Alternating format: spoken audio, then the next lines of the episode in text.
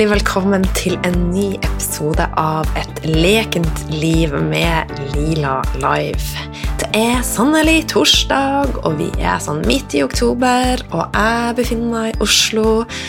Og eh, i dag så tror jeg at jeg skal ta meg en tur på Happy Foods, kanskje. Eller Oslo Rå. altså status ingenting nytt. Håper at du eh, har det fint, og at eh, podkasten er med å åpne nye dører for deg hver uke.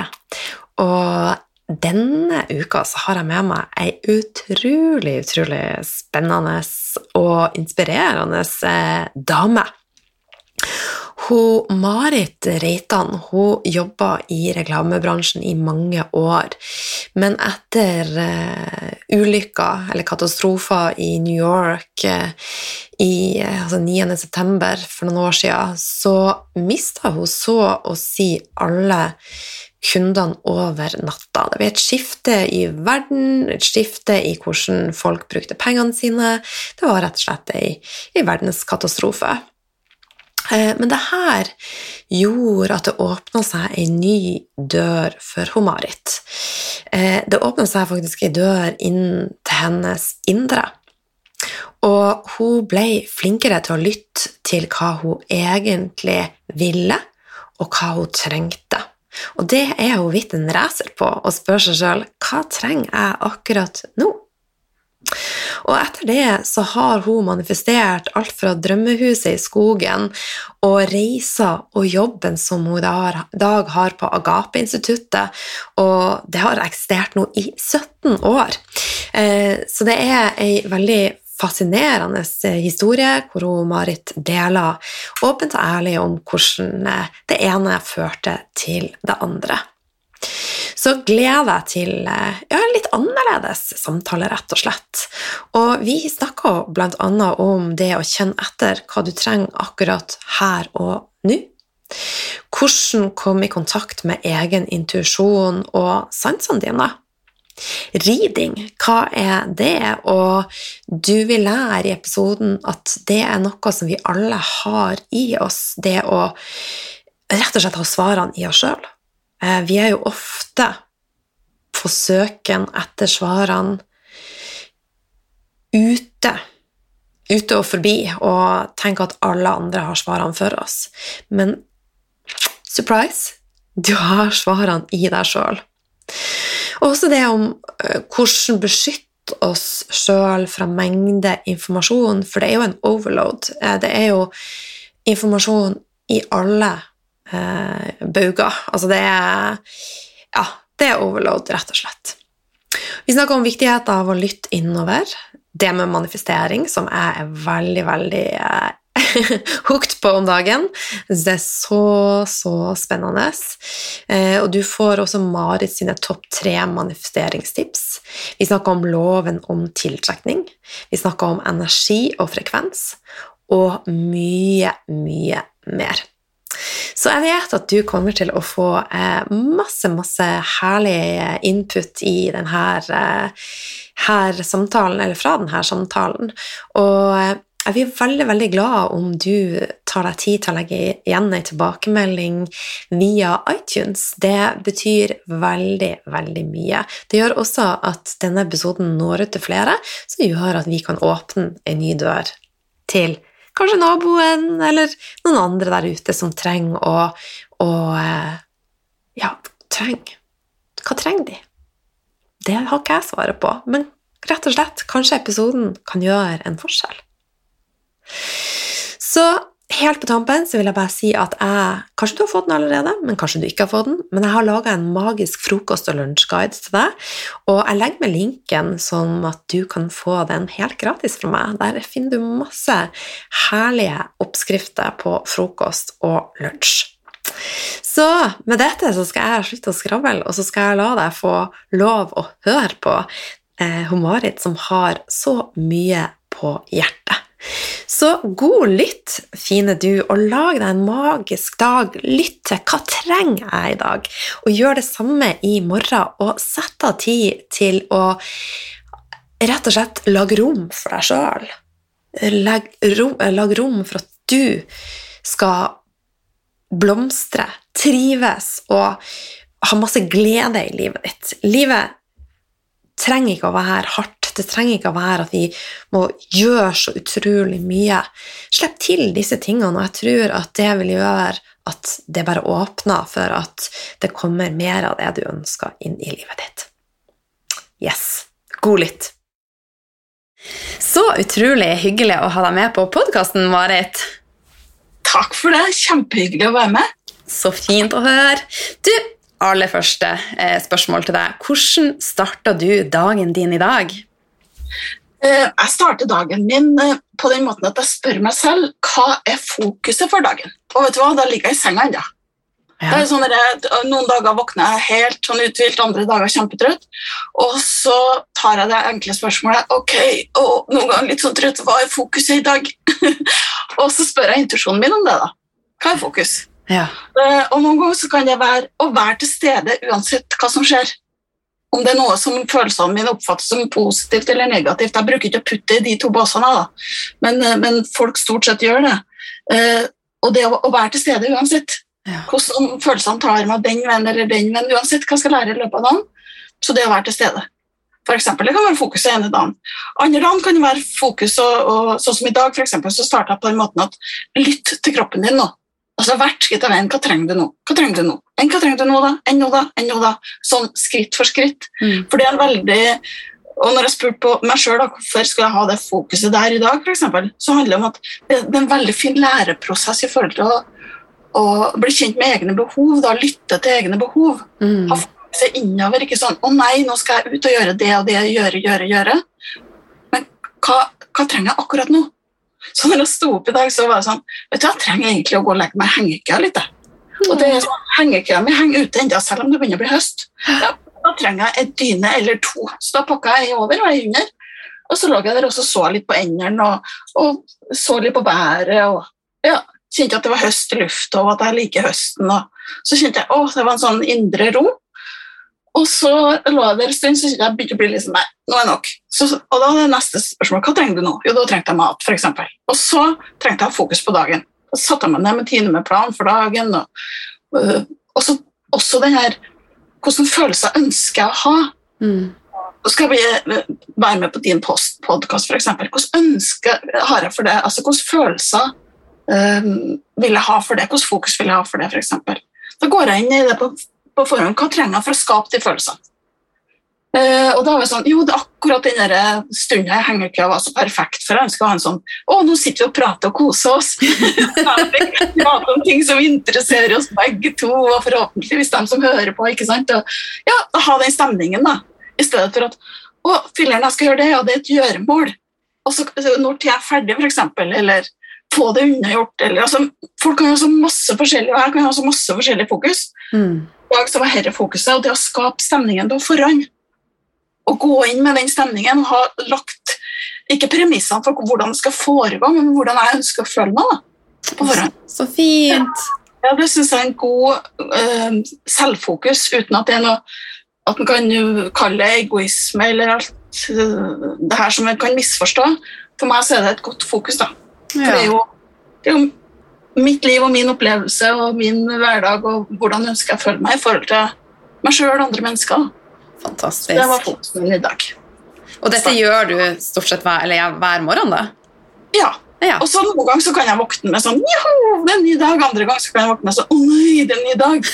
og uansett, uansett, så spør jeg ok da, hvis det er en sånn øh, dag, da, så spør jeg hva, hva er fokuset ditt da i dag. Og Noen ganger kan det være å løfte humøret, f.eks.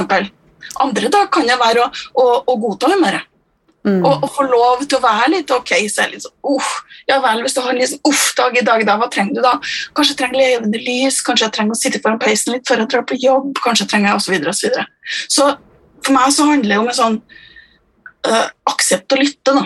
Mm. Hva jeg trenger hver dag. Fordi at vi, altså, Hverdagene er jo så forskjellige, og vi trenger så forskjellig. Hvis jeg har ståsted ut ifra meg sjøl og hvordan jeg ønsker å føle meg, så, så manifesterer jeg og skaper dagene deretter. Da. Ja. I, pakt, I, pakt, med meg sjøl i stedet for på tross av, eller ja. skjerpe meg eller ta meg sammen. Eller, ja. Her tror jeg det er mange som har noe å, å øve på, da, for vi er jo veldig harde med oss sjøl og eh, ja, programmert til at jo mer vi gjør, og jo hardere vi bare kjører på, så jo mer er vi verdt, og jo mer er det liksom halleluja. resultater, resultater, resultater. Og så får, får, vi den store folkesykdommen. da. Jeg er ikke bra nok. Mm. Sykdommen sant, som veldig mange sliter med. Og Ja. Bra nok for hvem da? Ikke sant? Ja. Og hva da? Mm. Som om livet skulle vært et kappløp. Og, det, Det og det er det jo ikke. Det er det jo ikke. Nei. Det trenger ikke være det. Samtidig, hvis noen vil leke det, så får de leke det også. Uten Ja. at vi skal dømme det. Ja, men du, Dette er jo første gang du gjester podkasten. Jeg har møtt deg tidligere. Jeg var elev på Agape-instituttet. Og um, jeg har lyst at du skal fortelle eh, lytterne litt om deg sjøl, sånn at de kan bli litt bedre kjent med deg og fortelle litt om de reiser. Ja, um, jeg sto et sted i livet for en god del år tilbake hvor jeg følte at i store gåselenger hadde mista alt. da. Skilsmisse, le leiligheten jeg bodde ble solgt, eh, min eksmann mista jobben sin og helsa si. eh, Jeg mista jobben min, og så sto jeg der med blanke ark. Og så var det sånn Hva gjør jeg nå? Nå har jeg alle muligheter i hele verden. Mm. Jeg kan være et offer og tenke at jeg mista alt, eller jeg kan tenke nå, nå er hele verden åpen for meg. Og så hadde jeg drevet med reklame da, i et uh, større, større ja, kall det firma. da. Og så, og så sto jeg der og så var jeg sånn Hva gjør jeg nå? Jo, velger, hva velger jeg? Hva velger jeg ut ifra? Og så valgte jeg ut ifra det jeg allerede kunne. Jeg valgte reklame. Videre reklame, for det kunne jeg. Altså, jeg den, det jeg oppfatta som både den trygge veien fordi at jeg kunne det, men også en, en utfordrende vei for at jeg skulle stå på egne bein. Eh, sånn at jeg syns at jeg var litt eh, modig. Mm. Og så øh, i, etterkant så ser jeg at ja, du var modig, samtidig så var du også litt feig. Fordi at jeg valgte også det, det jeg, øh, eneste jeg trodde jeg kan. da. Ja. Så jeg starta mitt eget reklamebyrå og drev det, og det, det gikk kjempebra. Det var sånn der, fra null til 100, og jeg hadde massivt med oppdrag, og det, det gikk knallbra. Og så kom den her niende Ellevte eh, 11.9., hvor det var sånn at ja, hele verden krasja på en måte når flyene som krasja inn i Mm. de her to tårnene. Og så fra den dagen og til neste dag så mista jeg da oppdrag for hundrevis av tusen kroner. Og det første en sparer på i sånne tider, er jo reklamebudsjettene. Så det begynte å gå sånn gamle reklamer om igjen og om igjen på TV, og, og, og folk tok opp gamle reklamer i bladet og sånn og brukte dem om igjen. og sånn, for det er ikke akkurat det en bruker penger på i krisetider. Nei. Så da gikk det altså fra opp til 100 og ned til null igjen. Så det krasja hos meg, da, for å si det sånn. Så satt jeg der og tenkte hvordan kan det påvirke meg? Det, det krasjer når man flyr ned i Amerika, og så, og så sitter jeg med det lille enmannsfirmaet mitt oppe i, i Oslo her, og så, og så påvirker det i så stor grad. da. Og da satte jeg meg ned og kjente etter. altså, Vil jeg egentlig det her videre? Eh, og, så, og så valgte jeg nok en gang en sånn i gåsetegn feig løsning, fordi altså, det er min klassifikasjon eh, av det. Jeg valgte å fortsette fordi det går ikke, men det det vi ofte mennesker gjør. Og så når det ikke noe funker, så bare prøver vi en gang til. Eller så prøver vi enda en gang, eller enda en gang. Så, så jeg gikk på, da. Akkurat som den nøkkelen plutselig skulle passe. Og sto på skikkelig med det her reklamebyrået. Hadde jo omtrent ingenting. eh, Og hadde knapt til penger til mat. Ikke sant? Så det var jo skikkelig, skikkelig tøffe tider. Og så var det en dag jeg kjente på det at eh, du, kan jeg virkelig bidra til det her? For da åpna jeg da postkassen min, så røy det ut re- reklame. Så tenker jeg, dette bidrar jeg med. Ja, jeg sitter og koser meg når jeg lager en brosjyre eller en logo eller tegner, eller det er jo morsomt det. Men er det egentlig det her bidraget jeg vil ha til verden? Mm. Så tenkte jeg, nå er jeg nødt til å ta en alvorsprat med meg sjøl. Ja. For nå kan jeg ikke velge den der såkalte safe løsningen lenger. Uh, og så fant jeg, men jeg kan jo ingenting. Ja, når har jeg det bra? Jeg har jo drevet med selvutvikling i mange år. Som en i gåstegn hobby. da, hvor at Jeg har gått kommunikologiutdannelse, jeg har lest hundrevis av bøker. Jeg har vært interessert i psykologi siden jeg var en tiåring. Og, og alltid vært sånn at jeg skulle hjelpe alle og prate om ting. ikke sant, og gått veldig fort i dybden og sånn. Så da fant jeg ut at eh, når, Når, Marit, når trives du? Når du kan med hånda på hjertet si at nå, nå trives jeg. Så satte jeg meg ned og så kjente jeg på det. da. Holdt fysisk hånda på hjertet og kjente etter når trives du. Så kjente jeg det, det er når jeg sitter på en kafé for eksempel, og snakker med en venninne, og jeg sier et eller annet som gjør at hun føler seg bedre. At jeg finner en løsning hvor jeg har stått fast, f.eks. Så lo jeg litt for meg selv, og tenkte ja, det kan jeg jo ikke leve av. Så feilt kunne du ta! Så felt kunne jeg ta, vet du. For det var jo ikke lenge etterpå så, så starta jeg å, å lese folk. Da, kort fortalt så, så gikk jeg på en skole hvor jeg lærte. Kom såkalt tilfeldig borti det via en reklamekunde. Eh, gikk der et eh, år, var lærer der et halvt år, og så fortalte jeg det her til en reklamekunde. Eh, og så sa jeg jeg vil bli lest av det. Og så sa han ja, det, det her, noen har ikke sendt deg til meg. Så pressa litt på, da. Jeg vil bli lest av det. Så var det i samme dag som hun pressa litt på, så kjente jeg vet du, nå må jeg slutte å være feig. Nå jeg sier ja. Så jeg sa til begge de to. Det var en torsdag, og på mandag så våknet jeg og kikka på telefonen. Så 46 anrop og 64 meldinger. Hva som skjer i verdenskrig, eller? Og så, var jeg sånn derre jeg vil høre at du leser folk, og at det var så bra, vi vil bestille timer. og så viste det seg at hun ene da, som har vært der, hun hadde jo stått på en scene da, den søndagen og fortalt om dette foran 4000 mennesker. At ja, det her kosttilskuddet som vi snakker om, det har endra livet mitt. Men det som egentlig har endra livet mitt mest, da, at jeg snakket med og så kaller hun ei synsk dame, jeg liker ikke det ordet, men det, det er i hvert fall hennes ord. Altså, ei synsk dame hun kunne fortelle meg hvorfor jeg hadde det sånn, og hva, hva som skjedde, og hva, hvilke løsninger jeg skulle velge, osv. Så, videre. Så hun ble jo springende omtrent etterpå med å, vi må få nummeret, vi må få navnet og sånn. Så da starta det, og da starta jeg å lese folk da hjemme på Stovner, på, på hjemmekontoret mitt. Og så måtte jeg slutte med reklame, for det, det, det sto jo omtrent kø Fantastisk. Og jeg leste og leste og leste døgnet rundt nesten. Og så til slutt så var det sånn, vet du, jeg er nødt til å ha et lokale, fordi at det her går jo ikke, jeg kan ikke ta dem hjem hele tida, for det blir for slitsomt. Jeg, noe, jeg føler ikke jeg har noe fritid og hjem lenger. Så, så tenkte jeg, ja, men hvordan skal, jeg, hvordan skal jeg fikse det? Og jeg kan bare, hvis det er meninga at jeg skal gjøre det her, for jeg kjenner 100% ja på det, Ja. så kan ikke jeg bruke min tid verken på reklame eller på å få folk hit, eller på å få et lokale. Altså, det må bare ordnes. Så om det er noen gutter på loftet der, eller noe Gud eller Jesus, eller om det er univers der, så får bare hjelpe meg nå. Så sendte jeg opp en sånn request. da. Vær, vær så god, fiks lokalet til meg. og så gikk det jeg husker ikke, det var to eller tre dager, så ringte en kompis og sa du, nå har jeg fått en rar situasjon. Jeg har leid meg lokaler midt i Oslo sentrum, og så har jeg, så har jeg leid to, og så skjønner jeg ikke hvorfor jeg leid to, og trenger bare ett. Og så er det mitt. Det er mitt. Og så har jeg vært der, da. Og så leste jeg da i tre måneder, og det var jo lange ventelister, og folk strømma på. Og så kjente jeg på at jeg kan ikke være det lille nåløyet. Altså, det her må flere lære seg. Det å lese og det å bli lest, det er så stort. Det, det er rett inn til fasiten. Ja. Sånn at, og folk går og leter og leter og leter overalt etter svarene og fasiten, så har de det inni seg. Og og jeg kan ikke sitte i at alle skal gå gjennom meg som et nåløye. Nei. Og at verden er full av mennesker, og alle menneskene må, må få det her fortest mulig. Så da fant jeg at vet du, jeg, må, jeg må lage et kurs. Og jeg må ha noen lokaler til det også. Og så eh, kom en, en som har gått på skolen, da, kom og så sa at du, skal vi starte et kurs sammen. Så sa jeg ja, vi gjør det. Vi må ha lokaler. Så gikk vi og snakka med vaktmesteren, og så fikk vi lokaler med en gang. Ganske passelig størrelse og sånn. Vi sto der, vet du, var litt skjelven begge to, da, men ok, så sa vi ja til det. Hadde ikke noen kunder enda, eller kursdeltakere, mener jeg, enda. Og så, dagen etterpå, så mista vi lokalet. Oi. Og så var det sånn, hva? Og så sa vi det til vaktmesteren, men det var jo så perfekt.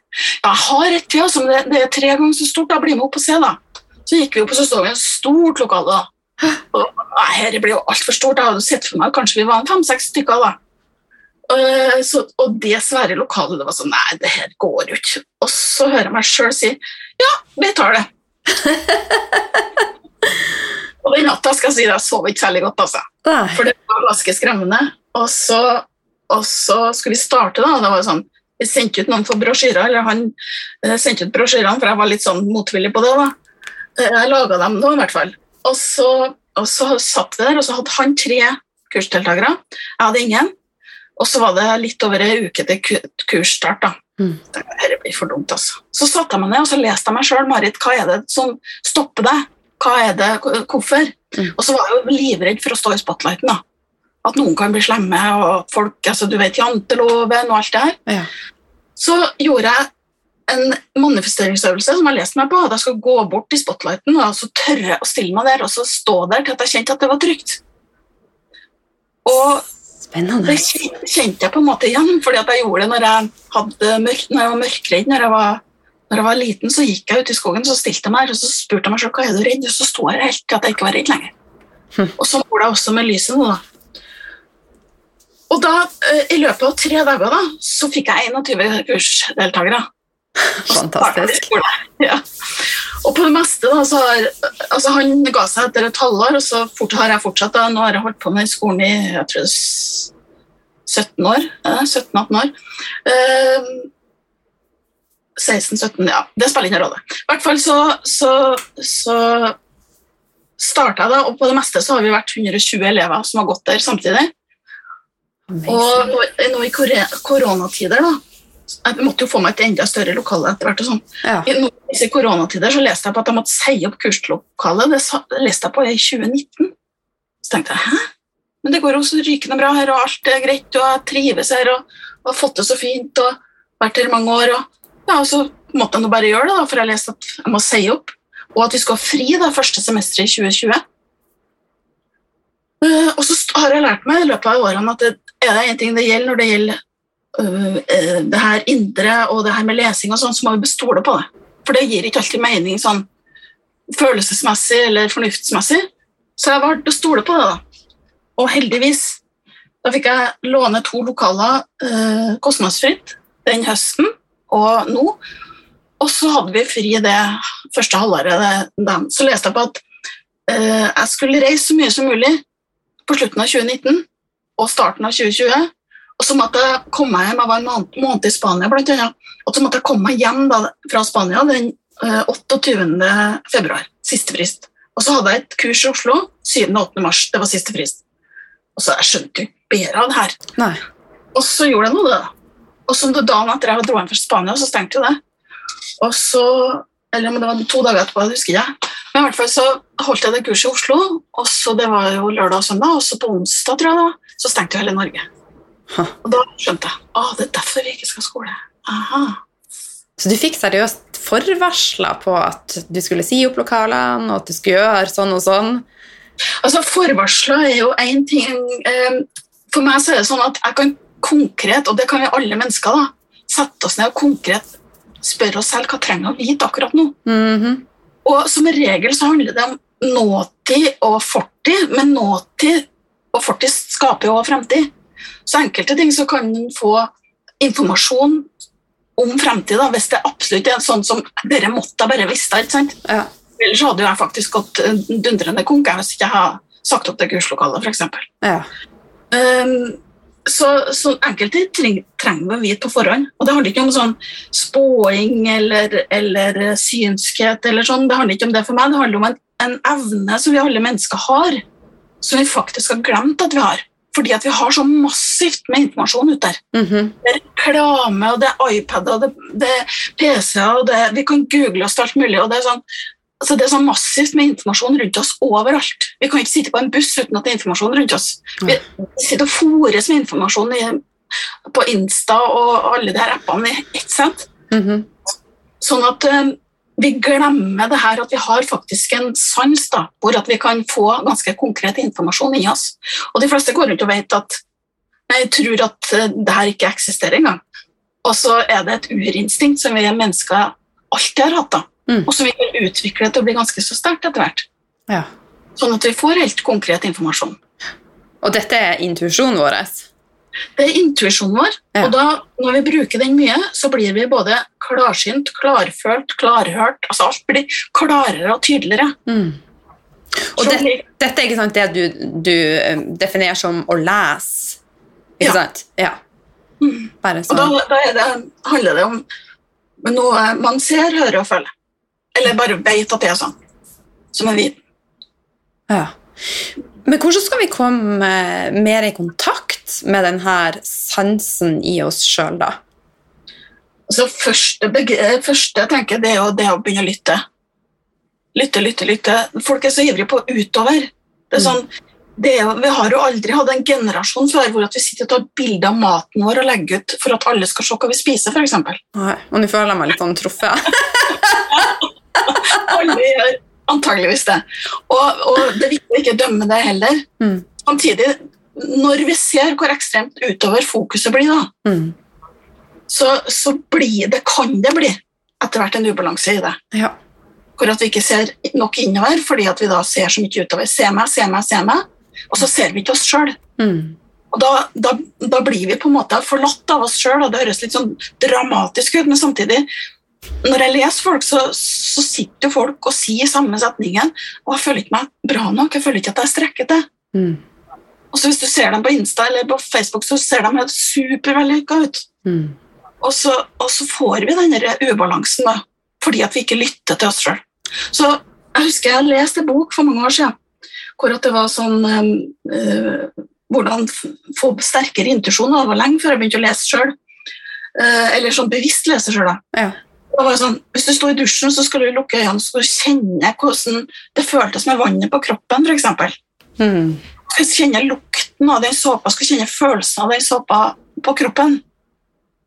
Når du har et pledd rundt deg, så skal du kjenne hvordan det føles ut, både sånn rent sånn eh, taktilt, men også, og også varmen, og også den følelsen av å omslutte deg, og følelsen av den handlingen du har gjort til deg sjøl. Mm.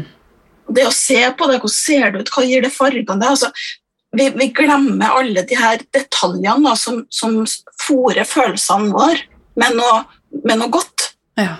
Eh, og, som, og som forsterker sanseapparatet vårt. Gresset det bare tråkker vi bortover. Mens hvis vi går med det, eh, ser på det, tar på det, lukter på det, så blir det en helt annen sanselig sak. Sant? Sånn at vi legger ikke merke til så mye av det som eh, Alt det flotte rundt oss lenger, da. Mm. Og, og, og mister noe av sansninga i det, rett og slett. ja. Sånn at det her sensible, det her det, det indre dypet, det blir manglende. Og da blir det et rotterace på å gjøre mest mulig. Mm. Være mest mulig i andres øyne, på en måte. Sånn, ha de flotteste husene, ha de flotteste bilene, ha den mest vellykka karrieren osv. Mm. Og en kan jo ha det flotteste huset, flotteste bilen og flotteste ditten og flotteste datten, og så kan en sitte her og føle seg så tom. Viktig Fordi at da har de mista seg sjøl. Ja. Og så kan det bli en streben etter å vise til andre da, at, og skjule at den ikke har det bra. ikke sant? Og vise til andre at se her, se hva jeg spiste i dag, var ikke fantastisk? Eller se den utsikten jeg ser akkurat nå. Mm. Når ikke klarer å dele den med seg sjøl, så må man på en måte dele med alle andre. Da. Mm. Og når vi ikke gir oss sjøl bekreftelser i form av å lytte til oss sjøl, kjenne etter, spørre oss sjøl, ha, eh, ha fokus på hvordan beslutninger tar jeg, og hvor kommer de beslutningene fra? Er det gamle sår jeg har jeg tar beslutninger fra, eller, eller tar jeg beslutninger ut ifra at jeg ønsker det beste for meg sjøl, f.eks.? Så når vi ikke er bevisst oss sjøl, da, så, så blir vi så veldig bevisste av hva andre tror og tenker og mener om oss i stedet for. Mm. Og da, da mister vi oss sjøl litt, og da mister vi litt den sansen her òg. Mister troa på at, at det går an å, å finne svarene i seg sjøl. Mm. Og begynner å spørre andre, og da blir det litt sånn Jo mer kokker, jo mer søl, altså. ja, det er sant. ja, nei, det er så viktig, det du sier. Så jeg vet hva, Selv om jeg deler og sånn altså Jeg jobber jo via sosiale medier, så tar jeg eh, typ Nå er det ikke et selvforsvar, men jeg tar mine bilder og så lagrer jeg de på telefonen, og så setter jeg av tid når jeg jobber, til å legge det ut. da. Så jeg sitter ikke når jeg sitter og spiser et måltid om andre og legger ut eksempelvis. da. Så det her, balansen her har vært så viktig for meg, da. Eh, for, for mitt eget nervesystem og for ja, rett og slett min indre ro, og også det med egenkjærlighet, som du snakka varmt om. Det har jo vært et stort skifte for meg å, å bli glad i meg sjøl. Og da, da er det jo så fin balanse i det. Ja. Fordi at Det handler ikke om å stoppe å poste bilder eller stoppe altså et, et bilde av et flott måltid kan jo inspirere mange ikke sant? til å, å, å gjøre en ekstra innsats for seg sjøl osv. Mm. Så, så i denne verden så Det handler aldri om for eller mot, eller eh, ja eller nei, eller, eller positivt, negativt. Balanse. Og, og når en har så bevisst forhold til det, da, som du beskriver her, for eksempel, så er jo akkurat det er jo balanse. Mm. Ja. Og, og det er jo også sånn man når folk i dag. Sånn at, eh, sånn at eh, det å, å kjenne etter sjøl, på hvilken måte og når, og hva gir det meg, og det å ta imot det det virkelig gir en, og, og, og være seg selv det bevisst, da, det er jo det, er jo det som er balanse. Mm. Og hvis en, hvis en kan eh, eh, ikke strebe etter balanse, men hvis en kan søke etter balanse, kjenne etter balanse og skape balanse eh, altså Nesten sånn fra minutt til minutt. Så, så det i seg sjøl er jo en av, en av de tingene som kan gjøre at en virkelig blir bevisst seg sjøl av sine egne behov. Mm. Så som du beskriver her, Behovet for å legge vekk det. da, Når med folk, eller 'nå har jeg fritid, nå legger jeg det bort'. Det her er en del av jobben min. Den bevisstgjøringa der, eksempel, er jo kjempeviktig, tenker jeg da. Ja, det tenker jeg også. Og så er det så lett eh, sånn i dagens samfunn, for det er jo, som du har sagt mange ganger, at vi er jo bombardert med inntrykk, og så, vi driver og sammenligner oss sjøl med de her som du eh, beskriver som har alt det er vellykka, men så kan de likevel være så tom på innsida, og så sitter vi og bare drømmer om det livet der. Så det er noe med å lære oss at vi, vi er fullverdige sånn som vi er, og vi det med det ytre, og der har jo jeg, jeg har jo vært veldig ytre styrt i mange, mange år, eh, og heldigvis har det gått litt lys opp for meg om at det var å starte i feil ende, eh, og det har vært en veldig god prosess da. Så eh, du har jo vært litt innom det å starte innenfra. Har du noe mer du vil utfylle der, eller supplere med? Så uh, alt, uh, alt vi skaper, starter jo innenfra. Mm. Sånn at når vi bevisst da skal skape, så, så det å gå innover og kjenne etter hva eh, Når har jeg det bra? For så å stille seg spørsmålet etterpå hva gjorde det som gjorde at jeg hadde det bra. Sånn som for eksempel når du var veldig ytrestyrt, Mm. så, så, så kan jeg jo ha, ha et ønske om å føle deg bra inni. Mm. Og, og jeg tenker sånn, Det er ikke noe feil eller rett. altså Hvis, hvis at den da starter i en ende og det blir veldig ubalansert for at den kun går den veien, eksempel, Mm. så kommer den alltid til et eller annet punkt. altså Pendelen svinger uansett til slutt, Mm. sånn at den kommer da veldig i andre enden.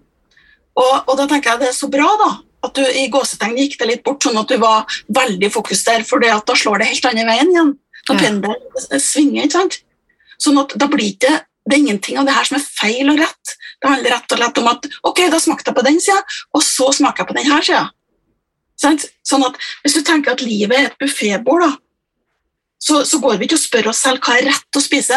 eh, Og hva er rett nå? Ja, altså Hvis en er veldig opptatt av kosthold, selvfølgelig, men si at den er på julebord da, og så har et buffébord, og hvis den begynner å ta noen retter på og kjenner at vet du, dette smakte ikke så godt, så handler det ikke om at en må være flink og spise opp det, eller at en bør spise mer av det, eller, eller nå gjorde jeg noe feil som tok en feil rett, eller altså, Da tar en bare noe nytt. Mm. Og hvis vi mennesker har vært litt rausere mot oss sjøl, så, så, så har vi kunnet sett det sånn. At det, det handler ikke om feil, det handler om at oi, ja, det gjorde jeg, det funka ikke for meg. Og så gjorde jeg det også, det var litt bedre. Altså. altså, det, livet er jo en lek, og vi leker å gå sport, og vi leker å finne fram. Ja. Og vi leker eh, Hvordan føler jeg meg når jeg går meg bort? Jo, da føler jeg ikke meg noe bra. Ok, da vil jeg lete etter noe som får meg til å føle meg bra. da. Og så leter du, og så finner du f.eks. det du gjør i dag. ikke sant? Mm. Og da var det så veldig bra da, at du gikk deg bort, sånn at du fant det her. Når du fant hjem igjen. ikke sant? ja, absolutt. Så, så jeg må skape, Hvis en skaper innenfra og kjenner sånn ønsker jeg å føle meg, sånn som f.eks. når folk skal i et forhold, så tenker de ofte på hvordan de vil at den andre personen skal se ut, eller være, eller ikke være. Ja. Neste gang skal jeg i hvert fall ikke ha en kjæreste som er sånn og sånn, for det har jeg hatt før. Eller jeg skal ikke ha sånn og sånn og sånn, og han skal ikke være sånn, og, og han skal se ut sånn. Og, og så, altså, om du får det du manifesterer, da, så er det ikke sikkert at det er riktig for deg. Fordi at Hvis en kjenner på sånne følelser, f.eks. sånn, hvis jeg skal ha en ny jobb eller en, eller en kjæreste, at kjenner jeg hvordan ønsker jeg å føle meg i den relasjonen, Ja. eller føle meg i den jobben. Jeg ønsker å føle meg respektert, jeg ønsker å føle meg sett, jeg ønsker å føle at jeg elsker, jeg ønsker å føle at jeg blir elsket. Jeg, eh, jeg ønsker å føle på gjensidighet, på samarbeid, på støtte osv. Så, videre. Så når vi går ut ifra de følelsene, så tiltrekker vi oss det som får oss til å føle oss sånn. Og da har vi både funnet noe som er så viktig, altså hva er det jeg ønsker, og hva er det jeg vil, hvordan ønsker jeg å føle meg. Mm. Sånn som jeg leser folk, så er det veldig mange som Ja, nei, hva jeg vil? Nei, jeg kan ikke lese meg på hva jeg vil, for jeg vet ikke hva jeg vil. Når jeg har det bra? Ja Nei, altså Nei, det vet jeg ikke. Og mer glede i hverdagen? Ok, det skal jeg jobbe hardt med. Og 99% sier at det skal jeg jobbe med. For at vi tror vi må jobbe for alt. Eh, I stedet for å kjenne etter hvordan ønsker jeg å føle meg, og så, og så skapes det derifra. Ja, så viktig. For det, er sånn sa- et rungende ja til å gjøre det jeg gjorde, for eksempel. For jeg vet at det her gir meg så mye. Jeg sa et rungende ja. Så sa jeg også du, ja takk til det lokale. Og når det ble for lite, fordi vi ble så mange, ja, så sa jeg ja takk til et nytt et. Mm. Plutselig så var det det som var rett ut i bakgården, som var tre ganger så stort, det var plutselig ledig. Såkalt tilfeldigvis. Og pussa opp- akkurat sånn som ønska det. Så når vi skaper det innenfra, så går det så mye raskere. For ellers så må vi gå rundt og skape det der, der, der, der, der, der ute. Og så må vi få de andre til å gjøre sånn som vi vil. Og så, ja, det blir bare masse kokker. Ja. Men du, liksom, nå er vi jo inne på det med manifestering. Um, og det er noe som jeg er veldig, veldig nysgjerrig på. Eh, og du har jo nå sagt at det, det er lurt å fokusere på det vi ønsker. Det faktisk kan være enklere å fokusere på det vi ikke ønsker, men ha fokuset retta mot det vi ønsker. Men Mari, hva er egentlig manifestering? Så for meg er manifestering det her et, et ønske som, som, øh, som kommer til liv, rett og slett. Mhm. Så det er min personlige eh, vinkel på det. Det her at Når vi ønsker oss noe, vi sier 100% ja til det, ikke ja, men ja, jeg ønsker meg det, men jeg vet ikke om jeg Nei, altså ja, nei, kanskje. Typisk. typisk. Sånn, kanskje. Ja. Eh, Når vi har et genuint ekte ja, da, og vi kjenner at det her er noe som jeg vil, jeg har lyst til det, og det er bra for meg. Og når vi har den genuine eh, følelsen, har den innvendig, og sender det ut som et ønske, uten at vi har alle det her hvorfor og hvordan, og, og alle de steppene på hvordan det skal skapes, og, og sånn, så manifesteres det i verden, altså da kommer det tilbake til oss. Og da har vi gjort en manifestasjon. Og vi kan manifestere ubevisst. Vi gjør det veldig mye. Ja. Og da kan vi manifestere situasjoner som skal vise oss noe. da. Sånn som vi kan, vi kan få kjeft av noen, eller noen kan, noen kan være såkalt i gåstegn slemme mot oss, eller vi kan møte hindringer. da.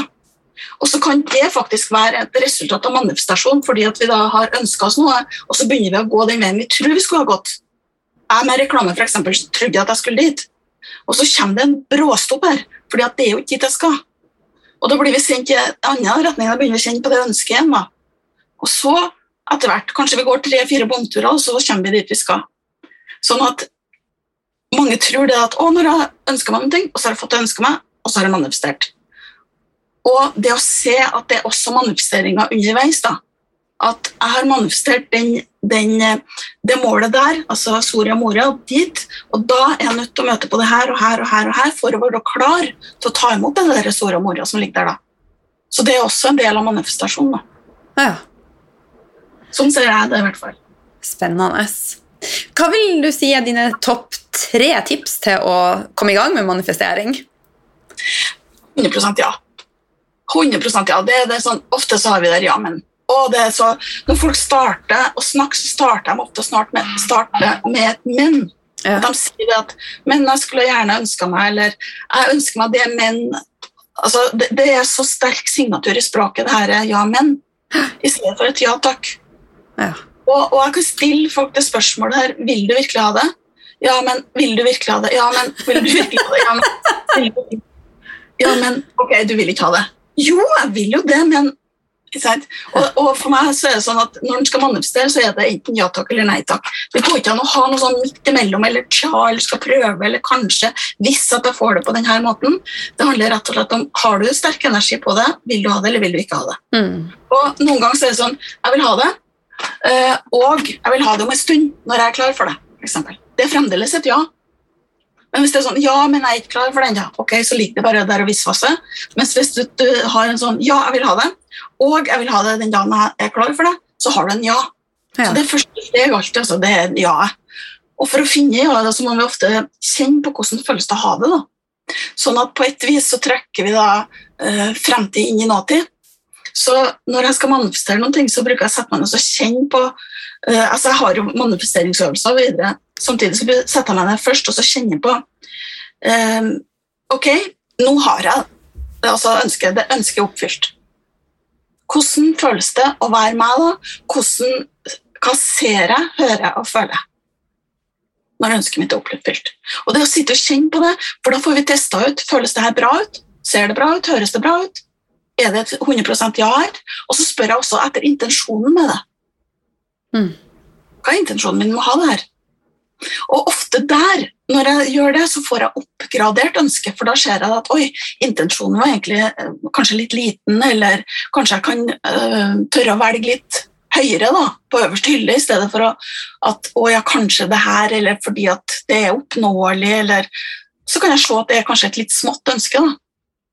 Eh, Så det å sette meg ned og, og gå gjennom det visuelle, auditive og kinestetiske, Mm. altså se, høre, føle og intensjon, da først kan jeg manifestere det.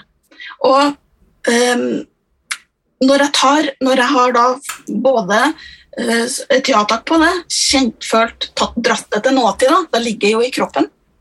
Og hjernen forstår jo ikke forskjell på, på uh, fake og reality, altså fantasi og virkelighet. Sånn at da har jeg jo det allerede. Og så tar jeg en beslutning om det etterpå.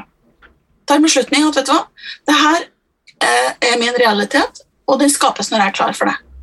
Og da setter jeg i gang og begynner å glemme. I stedet for å jobbe med det. Fordi at de fleste begynner sånn Ja, det skal jeg jobbe med. Ja, jeg skal jobbe med det. Jeg skal gjøre noe hver dag. Jeg skal jobbe, jobbe, jobbe. Jeg skal, skal eh, gjøre en skikkelig innsats. Jeg skal manifestere det hver dag. Og jobbe hardt, jobbe hardt. Nei, begynn heller å glede deg. Så da er det bare å kjenne det i kroppen, at det som er der fremme, som jeg har manifestert nå, det skal jeg bare Å, nyte tanken! Ja. Å, nyte tanken! Å, glede meg sånn. Og, og se for meg hvordan blir det, og hvordan føles det, hvordan, å, det skal bli så godt. Og, å, lurer på når det kommer. Og, ja. Som et lite barn til julaften. Og, da, og så kan jeg ta noen beslutninger i hverdagen, at jeg rydder litt plass til det.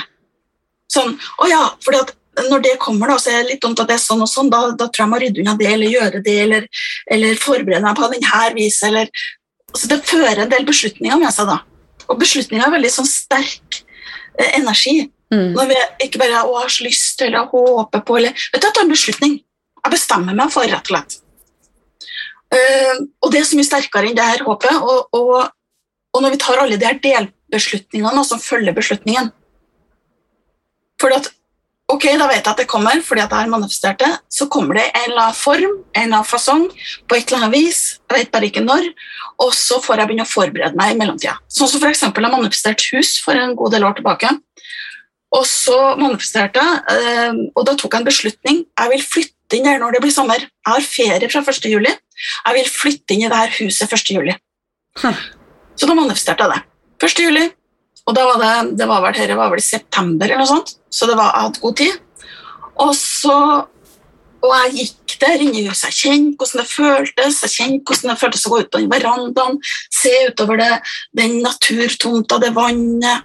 Ja, kjenner jeg at jeg skal ligge i hengekøye her, sånn føles det. Kjenner jeg at jeg skal tenne på peisen der. Så ikke jeg følte på det her da, så tok jeg beslutninga ut ifra det, at da må jeg begynne å forberede meg på visning med leiligheten min. for Da bodde jeg på Stovner den gangen. Så da tok jeg fire runder i leiligheten min, hvor jeg pakka ned og pakka bort og uh, satt på lager og gjorde klart. da. Og Knut, dette var før du har kjøpt hus i det hele tatt. Før jeg hele tatt kjøpte Ja, huset. det er viktig å få med. Ja. Jeg hadde, hadde ikke funnet huset engang. Visste ikke hvor det var engang.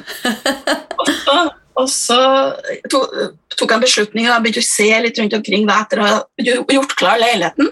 Så begynte jeg å se litt sånn Hvor i Norge ønsker jeg å bo hen? Og så syns jeg å, det er så koselig på det er så koselig på Nesoddtangen. Ja, men det er veldig koselig i Drøbak òg, da. Åh, Så klarte jeg ikke helt å bestemme meg. Så tenkte jeg ok, men da legger jeg Drøbak der, og så legger jeg Nesoddtangen der, og så får vi se. Og i dag da, så bor jeg et helt fantastisk sted. Når jeg sitter og ser utover eh, vannet nå når jeg prater med deg om naturtomta.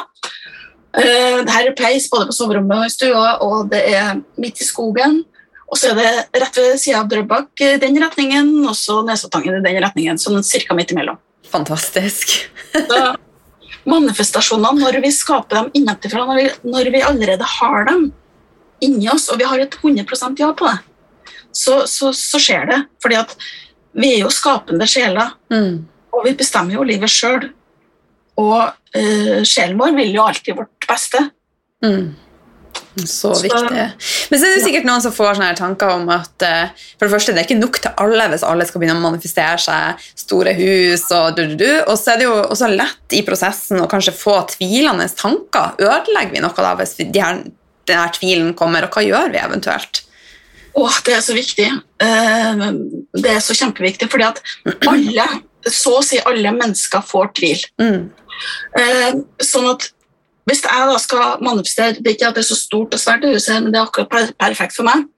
Eh, når vi mennesker da skal, skal ønske oss noen ting, så, så må all den her tvilen og vanskelig og, og kan ikke og får ikke til, og det er ikke nok til alle i verden. Alt, det her må opp av systemet. Mm. Det, det ligger i kroppen vår, for det er så tillært når vi er små. Eh, Det, her, det er så tillært av samfunnet. Det er kun én vinner. Han står på for gullet. og så, eh, Hun som da har overgått seg sjøl og gått fra 20. plass opp til 10. plass, er ikke snakk om engang. Men han som står der med gullmedaljen, det, han blir intervjua, eller hun blir intervjua, og så er det hun eller han som kom på andreplass. Hva, hva gikk feil i dag, da? Mm. Sånn at vi er så lært opp til at det, det er kun det er noe smått på toppen her. Det er kun én gullmedalje. Det er kun noen få som bor oppe i Holmenkollen der og lykkes. Mhm. Men det trenger ikke å være suksess for, for meg. Altså, det, jeg vet veldig mange som ikke ville bodd langt ute i skogen. Eh, langt ute på landet eh, med en sjø, for at de kanskje syns det har vært kjempeskummelt. Sånn at det er nok til oss alle.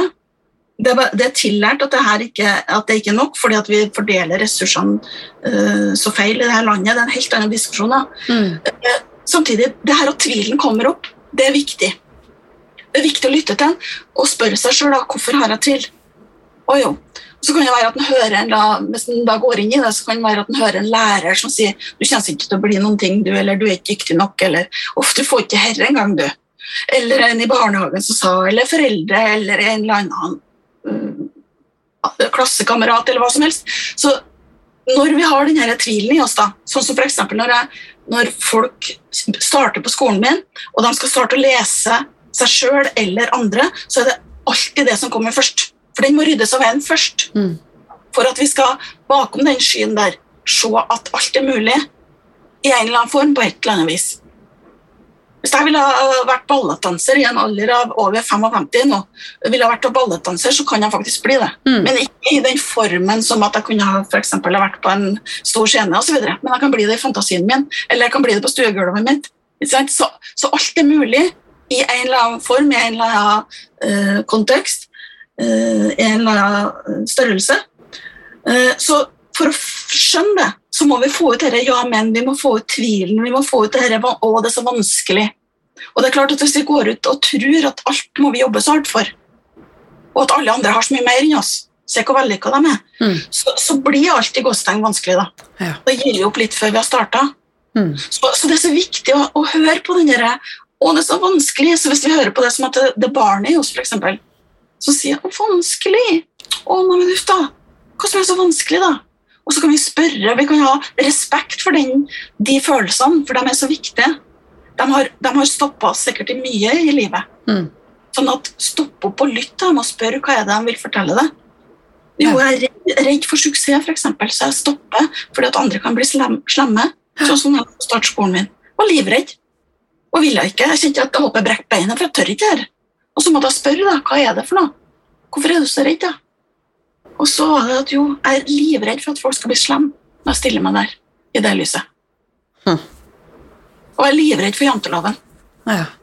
Så jeg merka at i starten, for jeg hadde jo braksuksess i starten, og det sånn, at jeg, var så, jeg hadde så behov for å fortelle alle at jeg hadde jobba så hardt for det, for det hadde jeg virkelig. Mm. Jeg har lest hundrevis av bøker, jeg har gått flerfoldige utdannelser, jeg har jobba med meg sjøl i mange mange år, og det var sånn, å, det må jeg fortelle, for de må skjønne at jeg jobber hardt, for ellers hadde jeg ikke fortjent det. For vi tror at vi må gjøre så mye for å fortjene. Vi Mm. må jobbe så hardt for å fortjene. Det er en sånn illusjon som, som jeg håper går ut av vokabularet snart, og jeg håper at foreldre ikke lærer videre til sine barn. Og det er jo bra å jobbe for hardt for noe en virkelig vil, Mm. og vi tror på at en kjenner at det er godt å jobbe hardt. Men vi trenger ikke å ta i alle henseender i livet. Det er så viktig. Mm. Så, så tvilen, vi må spørre den. Hva, hva- hvorfor er det her? Hva skal du fortelle meg? For den vil jo beskytte oss. Ja. Det er jo en god intensjon. Og det at vi føler at det er vanskelig, det er også en god intensjon. Det er en sånn beskyttelsesmekanisme. Og, og alle har jo sikkert hørt den metaforen at når vi begynner å skal gå, da, og så opplever vi at vi får til noen skritt, og så ramler vi. Og hvis vi skulle ha den mentaliteten som mange voksne har nå, så har vi sagt å filler'n, det fikk ikke jeg til. Jeg tør ikke å gjøre det en gang til, for tenk om noen ser meg Mm. så ser de at jeg gikk på trynet der. Oi, oi, oi. Nei, best å fortsette å krype. ikke sant? Og sånn gjør vi ofte som voksne. da. Og da er det viktig å lytte til. Hva er du så redd for, egentlig? Mm. Og så det å sette seg ned og kjenne etter. Ok, Hvis du, ikke hadde vært redd, da, hvis du ikke hadde tvil, da, hvordan hadde du følt det da? Hvis du har unna deg sjøl det beste, og det er alle andre det beste. For rikdom er så mangt, og, og det er nok til oss alle sammen i alle henseender. Alle kan vi skape de livene vi ønsker oss. Og så, og så er det noe som, som fort slår inn. Da. Det, her, det blir for godt til å være sant. På skolen så har vi gjort om det til at alt godt er sant. Fordi at vi har jo ikke noe sånn at Fint. Alt godt er sant. ja, Vi har jo ikke noe sånt som sier at å nei, det er for vondt å være sant. For når det er vondt eller smertefullt eller hardt eller vanskelig, så tror vi på det. Ja. Og da, Hvis vi gjennomgår det, så har vi fortjent det. Men hvis vi får noe da, som vi andre eller vi sjøl kan oppfatte som lett, så letthet da, det er sånn å nei, det er for godt til å være sant. Um, så jeg syns jeg skulle ønske at folk har endra sitt trossystem da, når det gjelder det at vet du hva, når, når noe godt kommer til deg, så har du gjort da en, en, god, en godhet overfor deg sjøl. Du har gjort en, noe, noe bra for deg sjøl. Mm. Du har skapt en god følelse, en høy vibrasjon i deg sjøl, Mm. som gjør at du har tiltrukket deg det her. Mm. Det er en god ting. Verden trenger mer av det. Verden trenger mer kjærlighet, og at vi vil vårt eget beste og andres beste. Så, så verden har nok jobba hardt for å nok fælt og vondt og, og hardt og hardt mot hardt osv. Så, videre. så jeg tenker vi må starte med å unne oss sjøl og unne andre i samme slengen. Eh, og, og da manifesterer vi så mye lettere. Absolutt. Viktig. Kjempeviktig. Men du, mange ser jo på det her som veldig alternativt, og, og eh, altså, jo mer jeg leser jo, altså, Jeg tenker at loven om tiltrekning er jo ikke mer alternativ enn loven om tyngdekraft. Hva er dine tanker? For det første, da, eh, alternativ. Eh, hvis det ikke skal finnes en alternativ, hvordan er verden da? Jo, da er verden sort-hvit. Ja. Da er verden sånn eh, feil, riktig. Mm. Går ikke an, går an. Vi kan kun høre på den type vitenskap, men ikke den type vitenskap. Vi kan kun høre på den forskning og ikke den forskning. Eh, da kan vi mennesker overstyres ganske så lett, og så kan noen sitte på toppen og bestemme hva vi skal føle og hva vi skal gjøre. Og sånn som i disse tider hvor det spres veldig mye frykt, eksempel, og det polariseres. Mm. Det er jo ofte et uttrykk for at det er ikke noe alternativ. Enten velger du det, eller så velger du ikke det. Enten er du for eller mot. Mm. Og, og sånn starter det jo faktisk, for å dra det litt langt, da, så startes jo kriger i verden på den måten. Og vi kan jo starte kriger inni oss sjøl og med andre mennesker av det. Fordi at det trengs alltid å være alternativ, det trenger å være mange alternativ. Det som er fantastisk og bra for deg, trenger ikke å være bra for meg. Det som er bra for meg i dag, trenger ikke å være bra for meg i morgen. Nei. Det er jo sånn vi, vi, vi, evolusjonen er, det er jo sånn vi utvikles som mennesker. Mm. At vi, vi kjenner etter og tenker etter sjøl og finner ut av altså Det er jo det som er hensikten med å være menneske. tenker jeg. Det er menneskerett å få lov til å kjenne etter og føle etter og, og se og høre hva, hva, hvem er jeg Altså Leken består jo i det. Hvem er jeg som menneske? Det er jo derfor vi har kommet på jorda tenker jeg, for å leke mennesker. Og da Mm. må vi ha masse alternativ i hvordan vi kan være. Vi kan ikke gå rundt i uniform og være likedan, og at det er kun én eller to løsninger. Og jeg tenker sånn, I forhold til det her som jeg driver på med, da, så når jeg går inn i tredje øye, så går jeg inn i noe som har fokus på noe som heter pinalkjertelen i hodet, som da også kalles tredje øye. Og eh, det her med visualisering, det er stuerent. Det er sånn, å ja, Vi kan sette oss ned og visualisere det vi ønsker oss, og det er så innafor. Men tvert da sentrerer jeg energien i det punktet i hodet, sånn at jeg ser ting klarere fordi at det er senter til sjelen i, i kroppen, eller i hodet. Eh, da ser jeg ting klarere, jeg hører ting klarere, jeg føler ting klarere. Da er det plutselig noe veldig i gåstegn alternativt, noe sånn skummelt eller rart eller synsk, eller noe som noen få har, eller så spesielt, eller uh, osv. Så videre. sånn at det her er jo, tenker jeg, menneskelige begrensninger av frykt som gjør at noen blir redd for det. Mm. Jeg har snakka med folk og de har vært veldig i gåstegn motstandere av det, da, eller ikke trodd på det. Så spør jeg har du prøvd det. da? Nei. Jeg kjenner så mange sånne her. Sorry at jeg flirer. Altså, altså, der har vi en helt fantastisk rett, og den syns jeg er helt god. Det beste jeg har smakt noen gang. Og, og, og smaken altså, det, den, er, den er så næringsrik og den er så bra, den gjør deg så godt. Nei, det tror ikke jeg på. Nei, har du smakt den? Nei, jeg har ikke smakt den. Og så vet du at det ikke er bra. Altså det, for meg så gir det ikke logikk i det hele tatt. Nei. Sånn at jeg, jeg, går ikke inn i sånne diskusjoner engang. Nei. Fordi at uh, vi må ha alternativ, og, og det og at noen skal si til meg at det her er så alternativt, ja, så bra, da, sier jeg. Mm. Jeg er også et alternativ. Altså det, uh, å være, være borte, det og at vi faktisk har svarene inni oss, Ja. det, det, det gjør i hvert fall ingen skade i denne verden, for å si det mildt. Når folk, sånn som når folk finner veien til, til det her grunnkurset her, lær å lese deg selv, så, så blir jeg alltid så glad, fordi at jeg tenker nå har de funnet veien til seg sjøl Mm. når de sitter. Ja. Og det er det som er poenget. Det er ikke noen annen som skal få bestemme eller si eller sånn skal du føle og sånn skal du være. og Nå snakker du for høyt, nå snakker du for lavt, nå er det for mye, nå er det for lite. Uh, det, det blir en sånn folkesykdom da, at alle tror de ikke er bra nok. Mm. Hvis vi går rundt og justerer hverandre og forteller hva vi skal tro på og ikke tro på, hva som er teit og dumt og ikke dumt. Og, ja. Nei, Mm. vi må, vi, må masse, vi må ha en alternativ verden hvor det er mange alternativer. ja. Sånn at vi får ut hva vi vil, alle sammen. Ja. Du, du nevnte det med frekvens, en ei vibrasjon. Eh, men det er jo litt av det samme som energi og frekvens, og vi har jo alle en aura rundt oss. Vil du forklare litt om det? Eh, For meg så er det sånn at eh, eh, inni kroppen vi, så har vi energi. Vi er jo energi, ellers hadde vi ikke hjertepumpa kunne ha gått, og, og, og vi har jo energi i kroppen. Og summen av all energien ser jeg på som sjelen. Noen kaller det høyere selv, bevisst jeg, noen kaller det Gud, noen kaller det kjærlighet, noen kaller det energi. altså Jeg velger å kalle det sjelen. Og eh, vi har også eh, energi som spinner i høy hastighet, eller forhåpentligvis høy hastighet, hvis det funker maksimalt, så har vi da punkt i kroppen eh, som spinner i høy hastighet, som kalles for chakra. Um, og når vi er klar for å gi slipp på noe, når vi har noe i oss, at vi har vanskelig, da, så finner vi ut at oi, det var jo lett. Da må ordet vanskelig ut, eller det som var vanskelig, den følelsen av vanskelig, må ut av kroppen. Mm. Første som skjer, da, er at det går til ett eller flere chakra. Og i det sekundet det gjør det, så går den energien altså det, det er jo som sånne vifter. Da går energien i hele kroppen. Så plutselig blir alt kjempevanskelig. Å, det er så vanskelig! Alt er så vanskelig! Å, å, den følelsen fyller hele kroppen. Alt er vanskelig plutselig. Og så øh, Det skal hjelpe oss, da. For da skal vi, når det topper seg, det, det er alltid rett før det snur. Hvis vi ikke går og tar oss sammen og putter det ned igjen og later som og, Nei da, det går fint, det, her er bra, osv. Eh, hvis vi reagerer da, får det ut av, av systemet, så går det ut i denne auraen. Og auraen er da det her energifeltet som ligger rundt oss. Mm. Det vil stråle ut. Så da gir vi slipp, da, så legger det seg i auraen.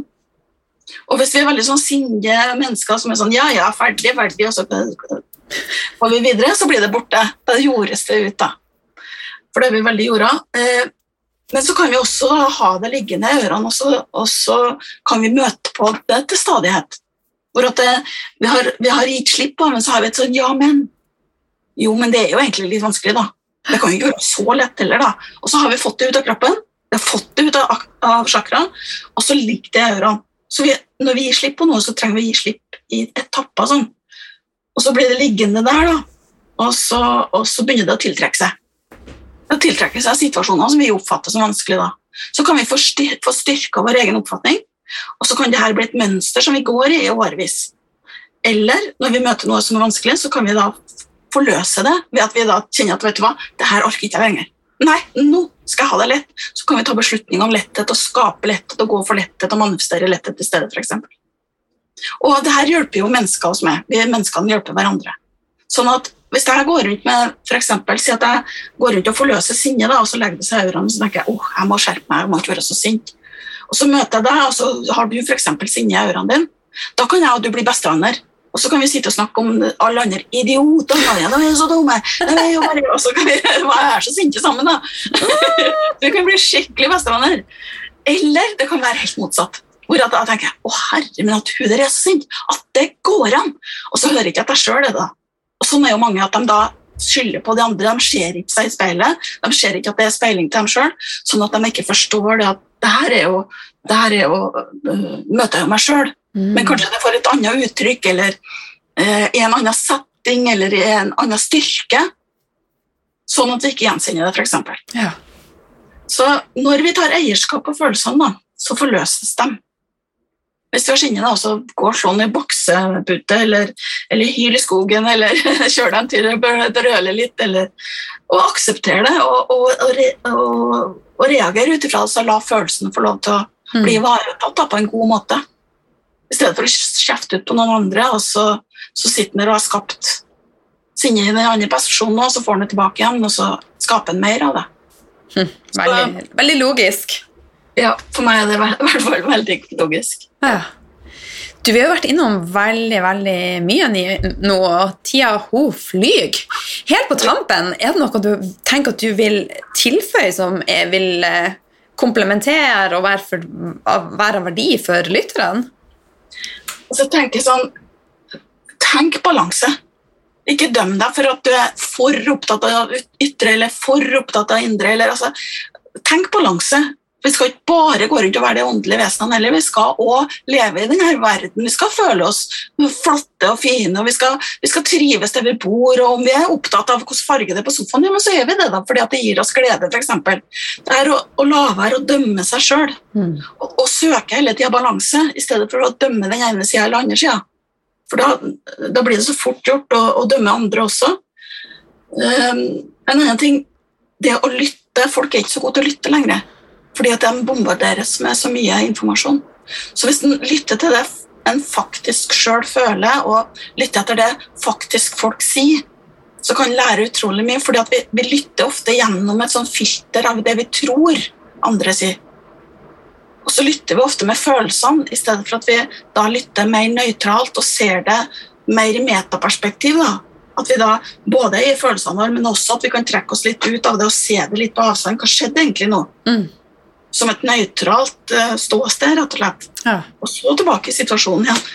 Det å kunne skifte litt på og være litt balansert da, i forhold til, i forhold til seg sjøl. At en da både er til stede og er, eh, ser det fra avstand.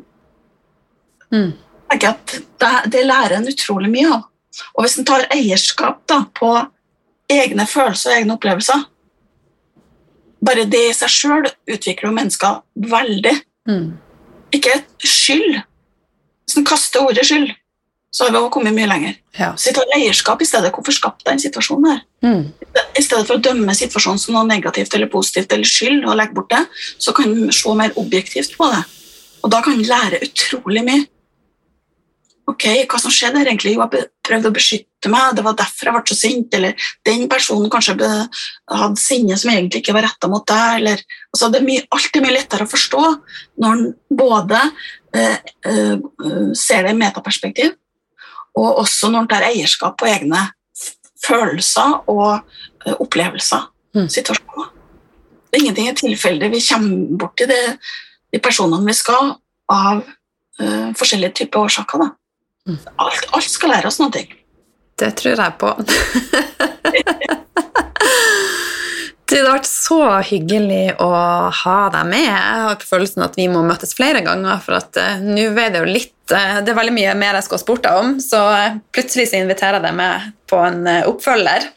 Hyggelig. Kan jeg si en sånn avslutningssetning? Ja, selvfølgelig. Og så ta gjerne og tilføy hvor lytterne kan treffe deg. Ja. Jeg, eh, jeg har en god setning som er, som er god for meg. da. Så kan jo den som vil kjenne at den er god for den, kan ta den med seg. Gå for balanse, ikke perfeksjon. Mm, For da blir livet en lek. jeg er enig. Ja. Ja. Um, jeg har en hjemmeside da, som jeg fikk i gave av elevene etter jeg har drevet skolen i ti år. For jeg drev ikke noe reklame, ingen verdens ting. Alle kommer av seg sjøl. Fordi at de har fått da, en type kjærlighetsgave av andre som har ønska dem vel og vil at de skal finne veien.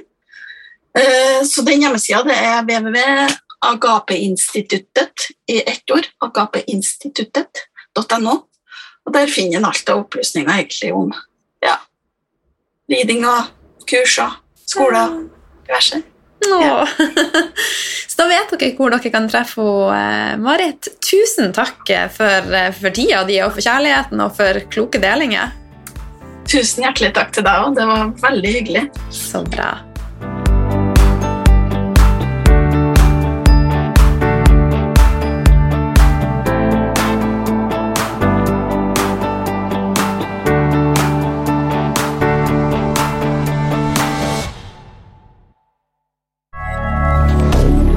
moderne media.